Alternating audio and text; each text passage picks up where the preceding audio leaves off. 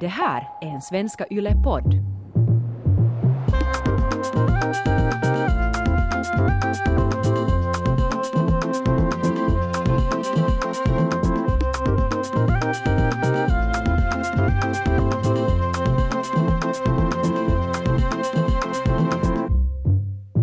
Välkommen till Sällskapet, en kulturpodd med samhällsperspektiv. Varje vecka snackar vi aktuella fenomen, tankar och händelser i samhället och i kulturvärlden. Och sällskapet består av mig, Kia Svetihin, och åtta kulturpersonligheter som roterar varje vecka.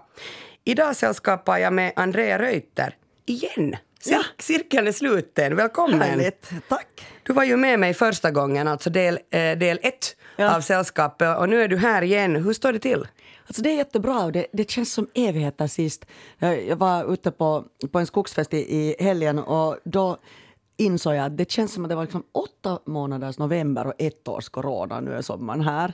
Så det känns som att det var väldigt länge sedan. Jätteroligt att vara tillbaka. Ja, skogsfest, alltså är det rave eller är det bara fest i skogen? Det var en utomhusfest i eh, Lappviken. Men det är ju sånt man måste göra nu för tiden. A.k.a. rave. Rave då. Rave. Det Men var social distansering ute på mossan. Det var jätteroligt. många ordnar ju alltså fester utomhus nu på grund av, av corona. Mm. Och det var ju så fint väder. Det var, det var helt härligt att, att få vara på ett dansgolv igen. Andrea, vad tänker du eh, prata om idag? Jag ska prata om ett um, aktuellt forskningsfält, nämligen psykedelika som medicin. Som är, nu talar man om att det är liksom den andra renässansen för det forskningsfältet. Det händer massor av jättespännande saker nu, Alltså typ- speciellt i USA. Svamp? Här. Det finns olika ämnen. Jag kommer att prata om eh, MDMA, assisterad terapi, psilocybin som då kallas magiska svampar i folkmun och uh, kanske nämna några av de andra också. Men främst vill jag tala om, om MDMA, assisterad terapi. Jag ska prata om the internet mob is out of control. Eller är den? Alltså, jag ska lite fundera på cancel culture och, och hur den tar sig uttryck nu eh, i efterdyningarna av, av Black Lives eh, Matter-demonstrationerna och de här polisvåldsprotesterna. Och jag har faktiskt tänkt gå in på två spår, nämligen eh, förlegade opassande tv-serier och, filmer får sin omgång. Och sen de här statyerna och monumenten, vad ska vi göra med dem? Ska de rivas eller ska de få stå kvar? Jag hittade och blev intresserad av det här faktiskt 2016 så var det en artikel i Marie Claire, en tidning som jag liksom aldrig eh, uh, läst där normalt, som hette Why Power Women Are Microdosing LSD at Work. Och så var jag sådär, vad är det här för grej? Och då pratade de om då, uh, mikrodosering av, av LSD eller syra och hur det uh, hjälper folk som alltså inte är sjuka utan friska människor att ha en högre potential, vad man ska säga. Arbeta mer effektivt, sova bättre, behöva mindre sömn, sluta prokrastinera etc. etc.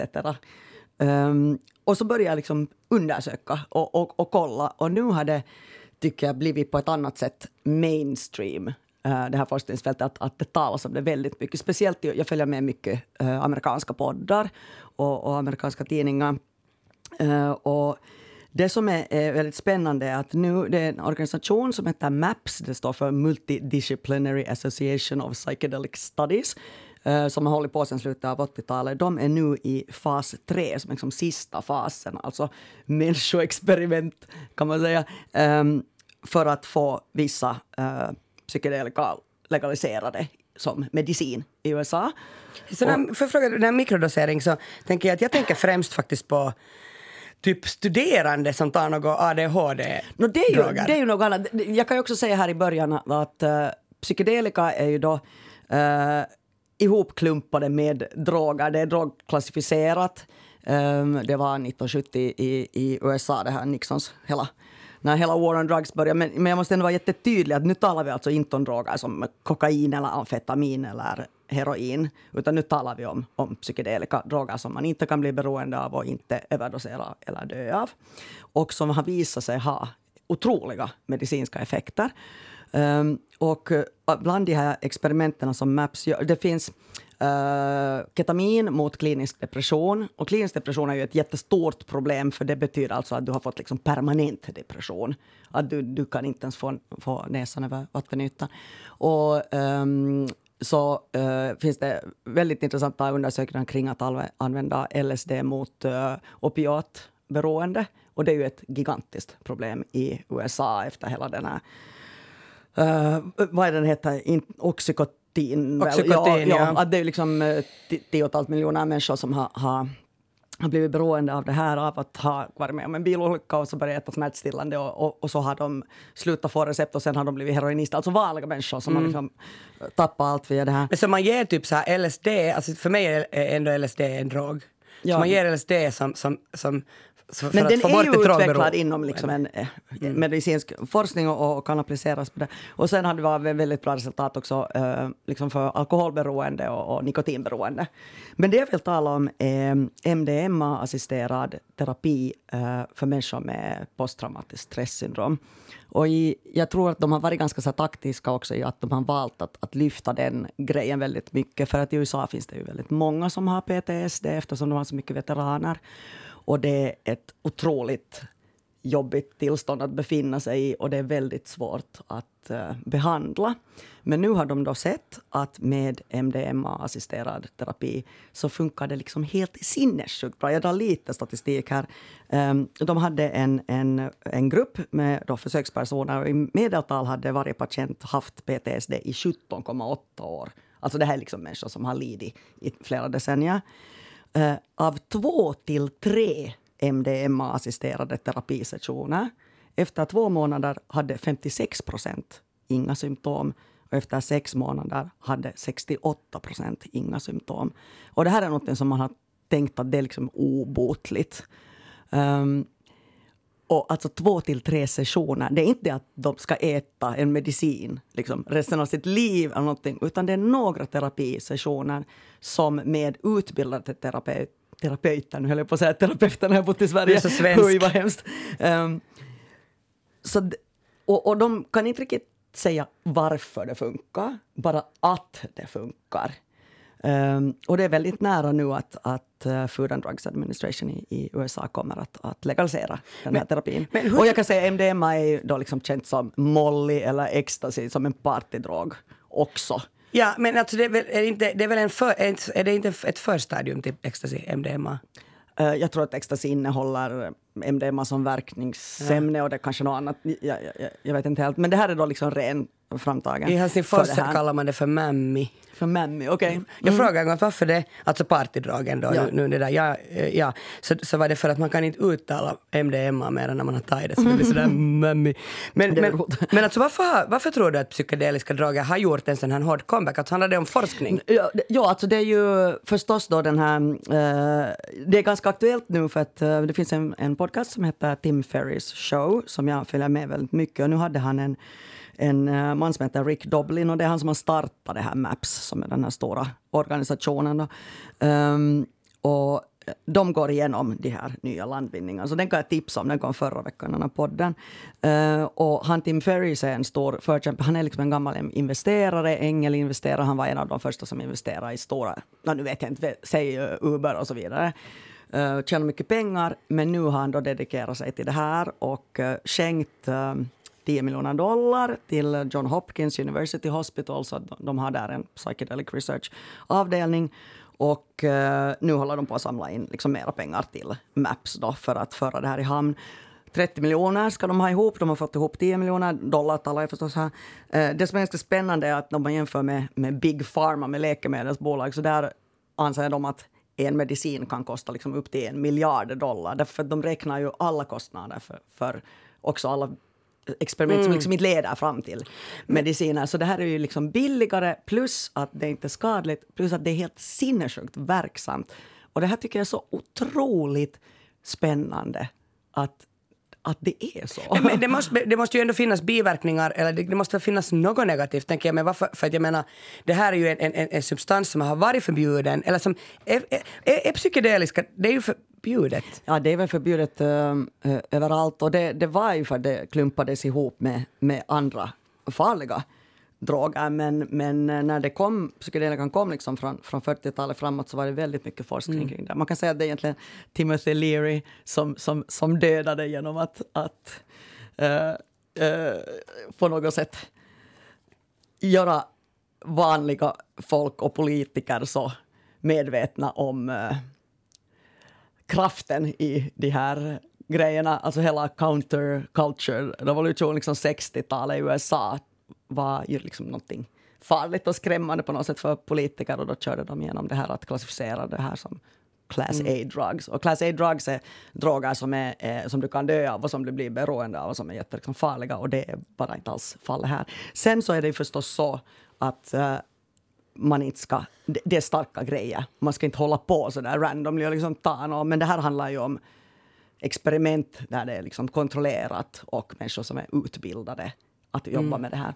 Ja, jag vill säga det här också att, att, att, det här är alltså inget politiskt ställningstagande i debatten om droger ska legaliseras eller ej, nej, nej, som jag och Andrea för här. Men, men okej, okay, jag tittar på Goop Lab, mm.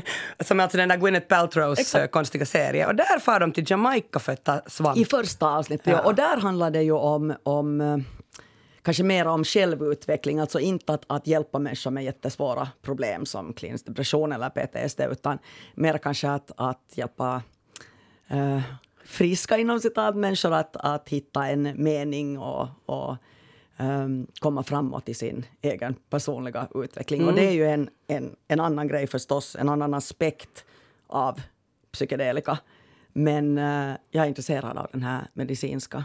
Fast i den där Goop-delen så är det inte också med någon sån här Irak, eh, krigsveteran som har varit i Irak och krigat, eller mm. nu kan inte blanda med något annat program, mm, som alltså får eh, som får psykedelisk, är det kanske då M MDMA, för han lider just av PTSD? Alltså, det är ju en människa från MAPS, den här organisationen ja. är med där, inte den här Rick Doblin men hans liksom Ja, och jag menar, och, och, han berättar ju då att han, han går några gånger får han, får han det här då som läkemedel och börjar direkt må mycket bättre, ja. för han hade försökt ta livet av sig ja. alltså hur många gånger som helst. För det, så. Men just det, eh, nu är det ju nu är det ju kanske i så fall, jag funderar så här, det här sa de där i den där GUP att urfolket, alltså var, som, som har använt, jag tänker så jag har bott i Mexiko, mm. jag kommer ihåg att alla liksom de här templen man får till, alltså mm. Teotihuacan, you mm. name it, anything, så uh, säger de alltid att, att aztekerna eller maya-indianerna, eller vilken, vilken gruppering det nu var som hade bott där, så de byggde alltid alla, alla sina tempel på svamp. Mm. Alltså så, inte, inte så att de byggde dem på svamp, men alltså de var påverkade av svamp. Mm. Och, och, också att urfolket, de tog svamp som medicin, eller olika mm. psykedeliska droger, det finns ju nästan alla psykedeliska kommer ju därifrån. Eller det är ju väldigt många som ja. är syntetiska, men vissa som till exempel svamp kommer ju från, från naturen eller ayahuasca som är ganska, har varit på tapeten ganska länge. Många, ja, eller meskalin är väl någon sån här Meskalin också, kaktus. peyote och ja. så finns det någon grodgift. Vet du, det finns ju Men liksom att de, de tog det till fysiska sjukdomar. Mm. Och, och liksom, att, att nu vi, den, där, den här moderna människan tar det till psyke. Ja, ja det, det kan man Det är ju en ganska stor skillnad alltså. Ja. Eller är det? Alltså jag tänker att, att vad, vad det än hjälper mot det är det väl liksom bra, bra om det funkar. Men jag tycker också det är spännande det här med alltså den här mikrodoseringen. Uh, jag var på ett, ett föredrag med en, med en man som heter Dr. James Fadiman som är den som har undersökt det väldigt mycket. Det var en, han eh, refererade en stor undersökning på 1500 personer. Och då var det inte så här i något eh, labb eller så, utan det var att människor hade gjort det liksom på egen hand. Och det är alltså att man var fjärde dag tar en tiondels dos, antingen då psilocybin eller, eller LSD. Och så fick människor då berätta om sina upplevelser. Det var jättespännande. Alltså det fanns ganska mycket såna galna random grejer som att någon hade blivit av med sin tinnitus som ju också ska vara så obotligt. Men sen de flesta bara, uh, ja, helt enkelt så att de, de sover bättre, de uh, börjar motionera, äta bättre på något automatiskt, blir lugnare, stabilare mentalt och, och att man kan på något sätt uh, komma upp i sin fulla potential. Och det är ju i Silicon Valley väldigt vanligt att, att folk, folk gör det. Och det är ganska spännande för att på ett sätt så skulle det ju liksom det passar ju också liksom in i vårt samhälle som man kan ha mycket åsikter om, men att på något sätt att det faktiskt effektiviserar folk och, och man blir mer kreativ och kan jobba bättre och sådär. Det, det var helt jätteintressant att, att lyssna på honom, för det är ju liksom, hur kan det funka? Men, men jag måste säga än en ja. gång att det är inte så att att människor bara ska ut och festa och, och, och, ta de här drogerna och sen blir allt bra, utan det här handlar ju om, om alltså utbildade terapeuter som hjälper folk genom trauman. Och det är ju viktigt att säga det, jag tänker liksom eh, massa, ja, alltså just att ta MDMA eller, eller då, nappa ett ecstasy-piller, gå på en rave i, i 20 timmar. Alltså, eh, de här människorna, eh, när man tar partydrugs, då har man ju oftast väl inte med sig en sån här, liksom en, en, en följeperson. Alltså, de här, jag har ju sett eh, då, Goop eller, eller några mm. andra dokumentärer om ja, man måste ju ha liksom som en, en guide. Och det en följare, om, följeslagare. Liksom, det handlar ju om allting, det handlar om dos, det handlar om, om omgivning, det handlar mm. om att det är någon expert som kan liksom guida en i det här. Det är ju superfarligt egentligen då att, att liksom bara nappa det här, gå på någon fest, komma hem och bara försöka sova bort det. Mm. Men det som jag ville säga om det här som är politiskt, alltså att, att eftersom det här då inte uppfattas som en riktig medicin så mm. får den ju inte heller de här forskningsunderstöden Nej, och det är också det att liksom, många, äh, som jag förstår då att, att mycket av de här statliga stöden i USA också handlar om det att de vill se Eh, bevis på hur någonting fungerar. Och de kan inte riktigt bevisa. De kan bara visa liksom att det fungerar och hur man ska liksom dosera och så vidare. Men de kan inte säga att det är den här molekylen som gör att den här hormongrejen ändras mm. på det här sättet. Utan de kan bara säga att wow, det är resultaten. Och jag, jag, jag kom på att jag, jag glömde en, eh, en av de här undersökningarna som jag också tyckte var helt otrolig som är um, terminalt sjuka cancerpatienter, alltså människor som kommer att dö, som har en stark dödsskräck. Så där var det också uh, mer än 60 procent som efter en session med psilocybin, alltså svamp, uh, helt förlorade sin rädsla för att dö. Och det är ju något... Förstå hur värdefull det är för den människan och för alla dess anhöriga att den får liksom lugnt uh, uppleva sin hospicetid. Ja, ja. Och jag, jag, jag, tänker att det här liksom handlar om um, hur man ser på människor och, och rättigheter att må bra och att man kan, man kan minska lidande så enormt i världen genom det här. Och det är det jag tycker är så superfascinerande.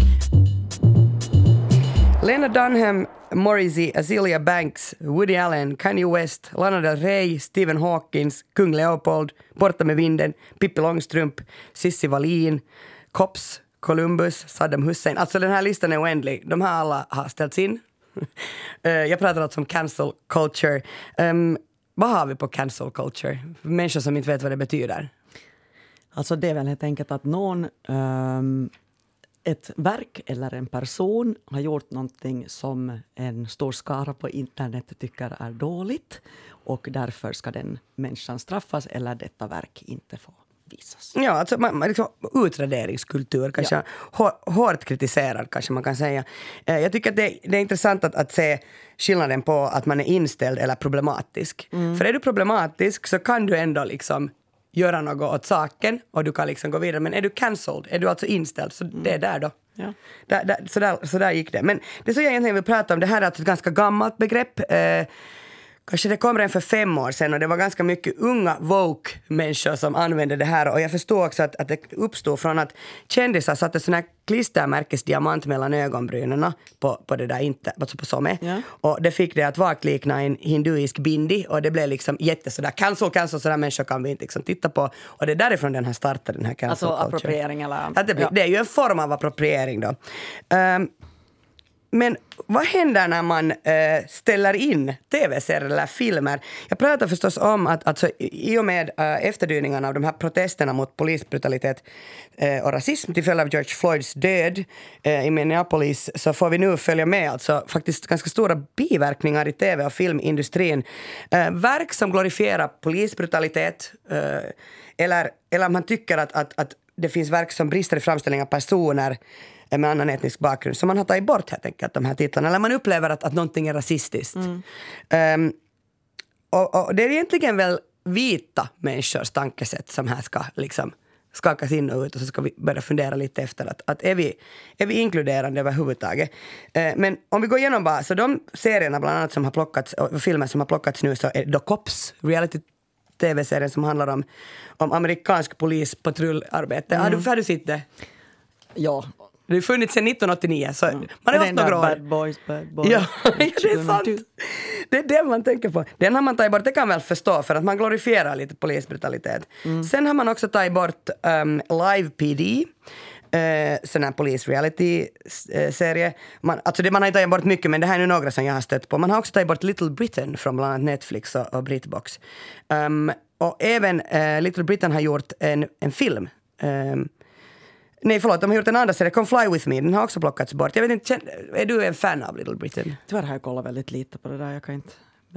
De säger själva, alltså skaparna, Matt Lucas och David Williams, att de nog, om de skulle kunna ändra på historien skulle de inte ha sådana grova skämt. Bland annat använder de sig av blackface liksom. Och Det är ju inte okej. det är väl kanske inte så okej, men det som har varit Däremot ramaskri. någon som har gjort det på gymnasiet för 25 år sedan för att den var en idiot då och för att man inte bara var medveten. Det vet jag inte om jag tycker att den människan idag inte ska liksom Tänker du på finnas. Justin Trudeau? Nå, till exempel.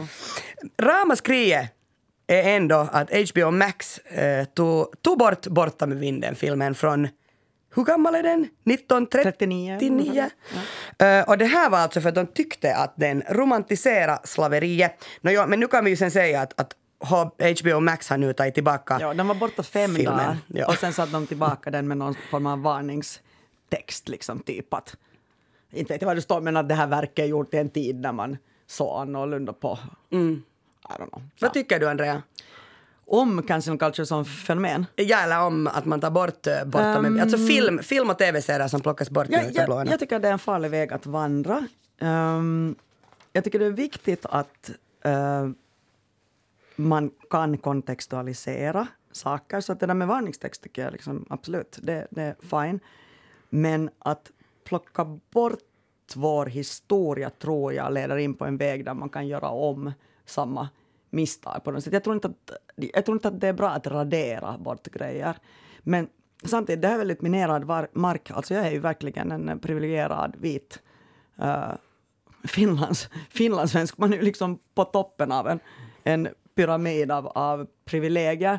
Så det är också lite sådär, alltså det, det är också väldigt lätt att tycka mycket saker om man inte har utsatts för kränkningar och, och um, inte har um, blivit upprörd av framställningar. Alltså, ja, det, jag tycker det är svårt att sitta två vita kvinnor och tala om det, men, men eh, däremot tror jag väldigt mycket på, på freedom of speech och framförallt liksom friheten att, att tänka och att, ehm, att det är farligt ehm, att tycka att någonting ska bort för att man inte gillar det. Jag tycker att man istället ska säga okej, men det där, är- det där är fel eller den där människans åsikter är fel.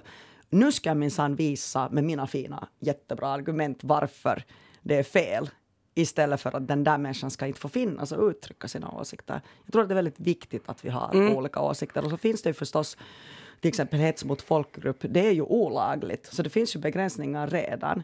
Men den här kulturen att eh, folk som på internet ska godhetsmarkera och säga att liksom, du får inte uttrycka dina åsikter, det, det tycker jag är jättefarligt. Eh, den här em, direktören för, för Black Cinema House, Jacqueline Stewart, så hon, hon kan kanske få, se, få säga sitt, liksom, för det är sant som du säger Andrea, att vi är inte de som ska bestämma det här.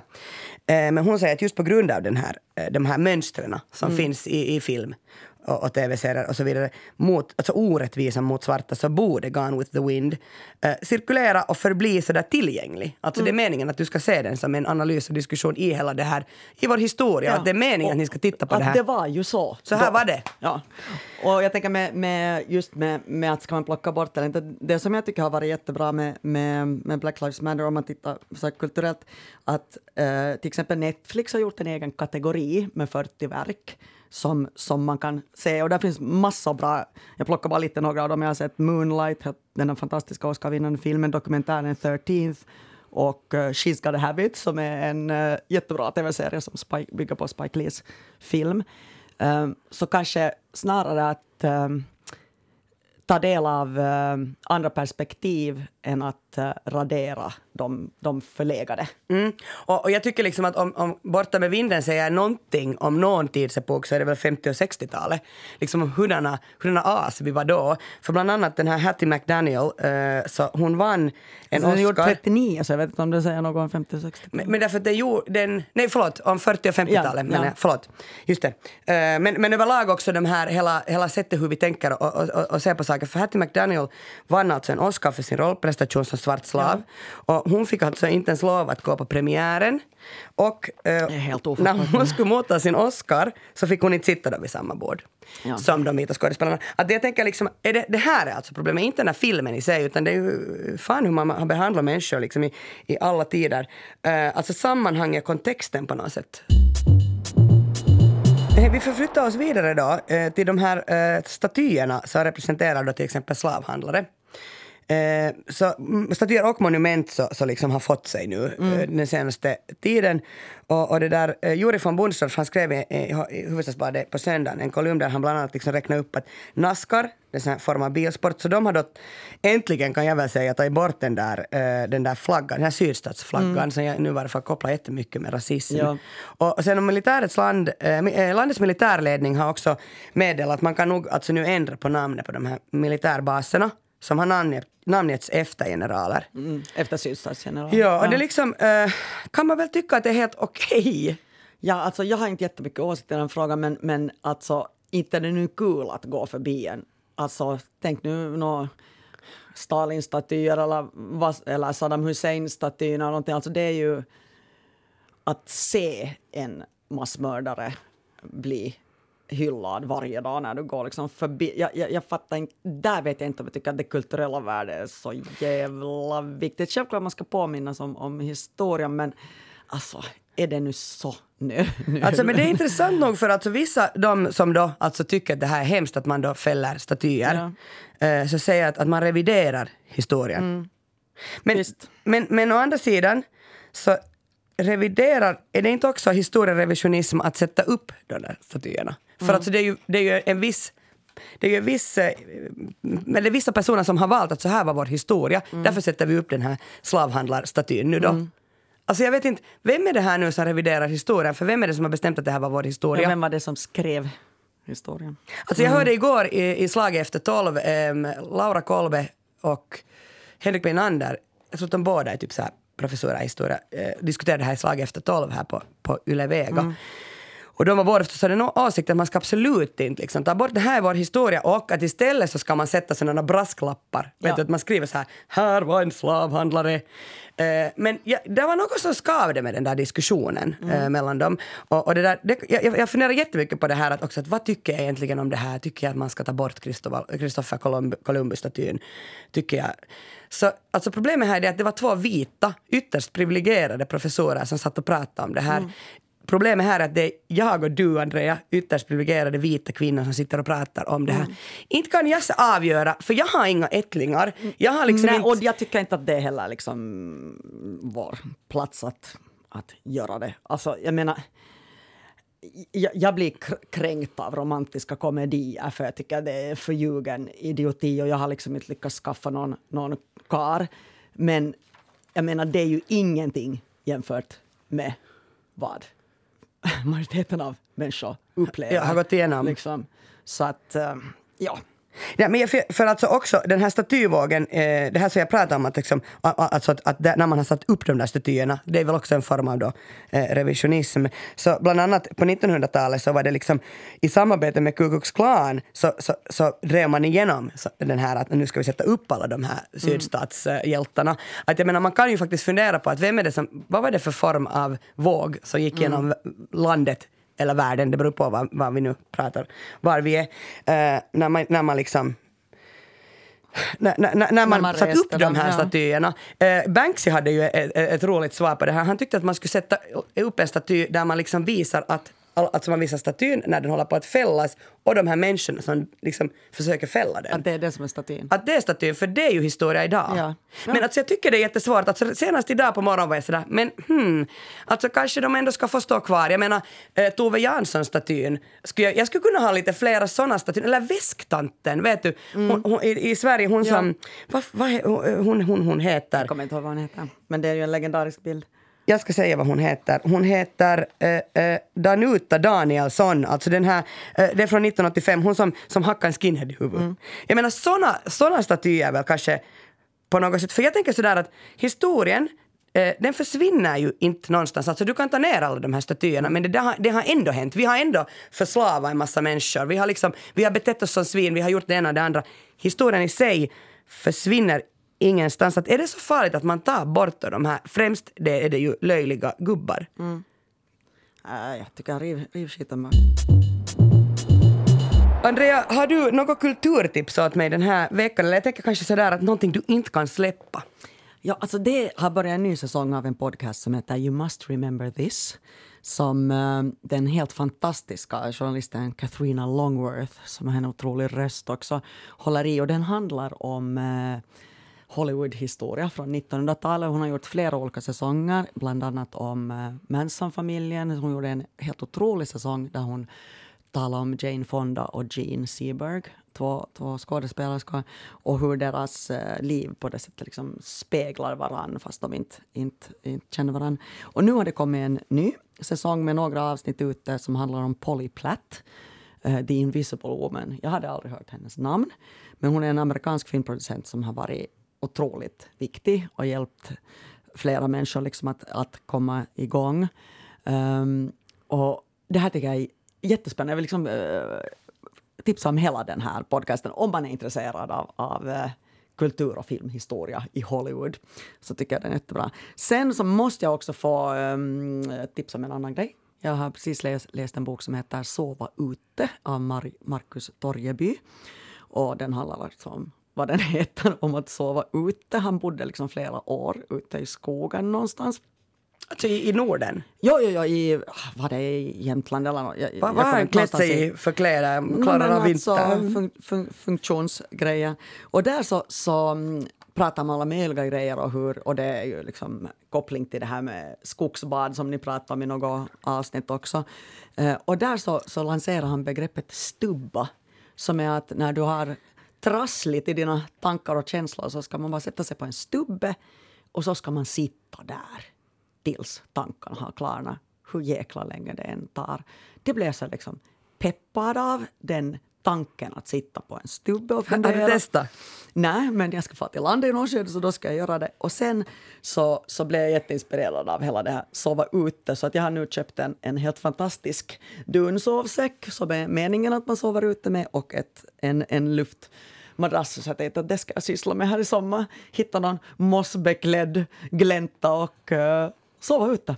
Vad är det månne den där, vad är jotton med det där att sova? Alltså va- varför vill du sova ute? Jag får helt såhär, åh gud vad det skulle vara jobbigt, myggor och skit. Eh, jag tror, eh, jag tycker väldigt mycket om att vara i skogen. Och eh, jag är också lite rädd för mörkret. Um, Och just därför ska du dit och plåga dig då? Eller? Jag tycker man måste mäta det där. Och sen har jag ju den otroliga turen att myggor inte riktigt diggar mig och inte punken heller. Så jag tänker att jag kan kanske, kanske göra det här utan att bli helt, helt förstörd. Men jag, jag, ska, jag ska testa det i alla fall. Jag kan säga att igår när jag kom hem från restaurangen så, så testade jag den där sovsäcken. Och, alltså, köp, köp en dyr dudsovsäck. Förlåt, alltså, var testade du den då? Får du ut på, på min matta. Ja, ja, okej. Ja. Jag tänkte du får Så sådär alltså, ut och ligga. Jag, nej, jag, jag gick bara in i den och det var som när jag satt på min, jag ska inte säga någon märke här i Yle, men min långa dunjacka som jag köpte för några år sedan. Alltså när man får något som är hög kvalitet och så är man så här, shit, Mm. vad har jag hållit på med innan? Hej, men jag måste fråga ändå. fram emot. Eh, då när vi snackar just om, om så här trädterapi, så då handlar det ju mycket också så här om levande träd. Mm. Och en, stubbe är ju ett dött trä. Ha- ha- Har han någon sån här tanke kring det där liksom? Att jag tänkte att att det där levande i det där trädet gör ju, ha- hade jag tänkt att ge den där energin, men nu sitter du liksom på en död Fast, stubbe. fast en stubbe är ju kanske inte död, den har ju ett rotsystem. Mm, och den kan ju ha mossa på sig. Så den, kan ju liksom, den är ju i kontakt genom wood, uh, the, the wood wide web med sina släktingar och Ja, allting. jag älskar the wood wide web. Ja, jag med. Jag ska säga sluta ha www, jag tänker bara ha wood wide web. Ja. Hej, det där, okej, jag tar då ett, ett helt annat kulturtips, alltså faktiskt en, en, en serie som jag inte bara den här veckan haft svårt att släppa utan också förra veckan. Eh, det finns nu två avsnitt ute på HBO av I may destroy you. Och det här är alltså modigt och roligt om våldtäkt. Det, det låter ju, jag måste säga det här för att så det är faktiskt så att, att eh, det handlar om en våldtäkt och det där, eh, men den är, den är gjord eh, med humor. Och det gör att det där, för skulle någon säga till mig så här, men du ska titta på den här Kia, den handlar om våldtäkt. Det känns någonstans som man borde och sen varje gång man ska titta på den så äh, jag kollar på Queer Eye istället. Nej, ju precis. Så den, men det är liksom, okej. Okay. Michaela Cole, hon har skrivit den, hon spelar huvudrollen och hon regisserar den. Eh, det är en brittisk eh, tv-serie. Och den är också inspirerad av hennes egna erfarenheter av sexuella övergrepp. Och då brukar det ju oftast funka bra när man liksom själv har upplevt Ja. något. Att det blir på riktigt riktigt.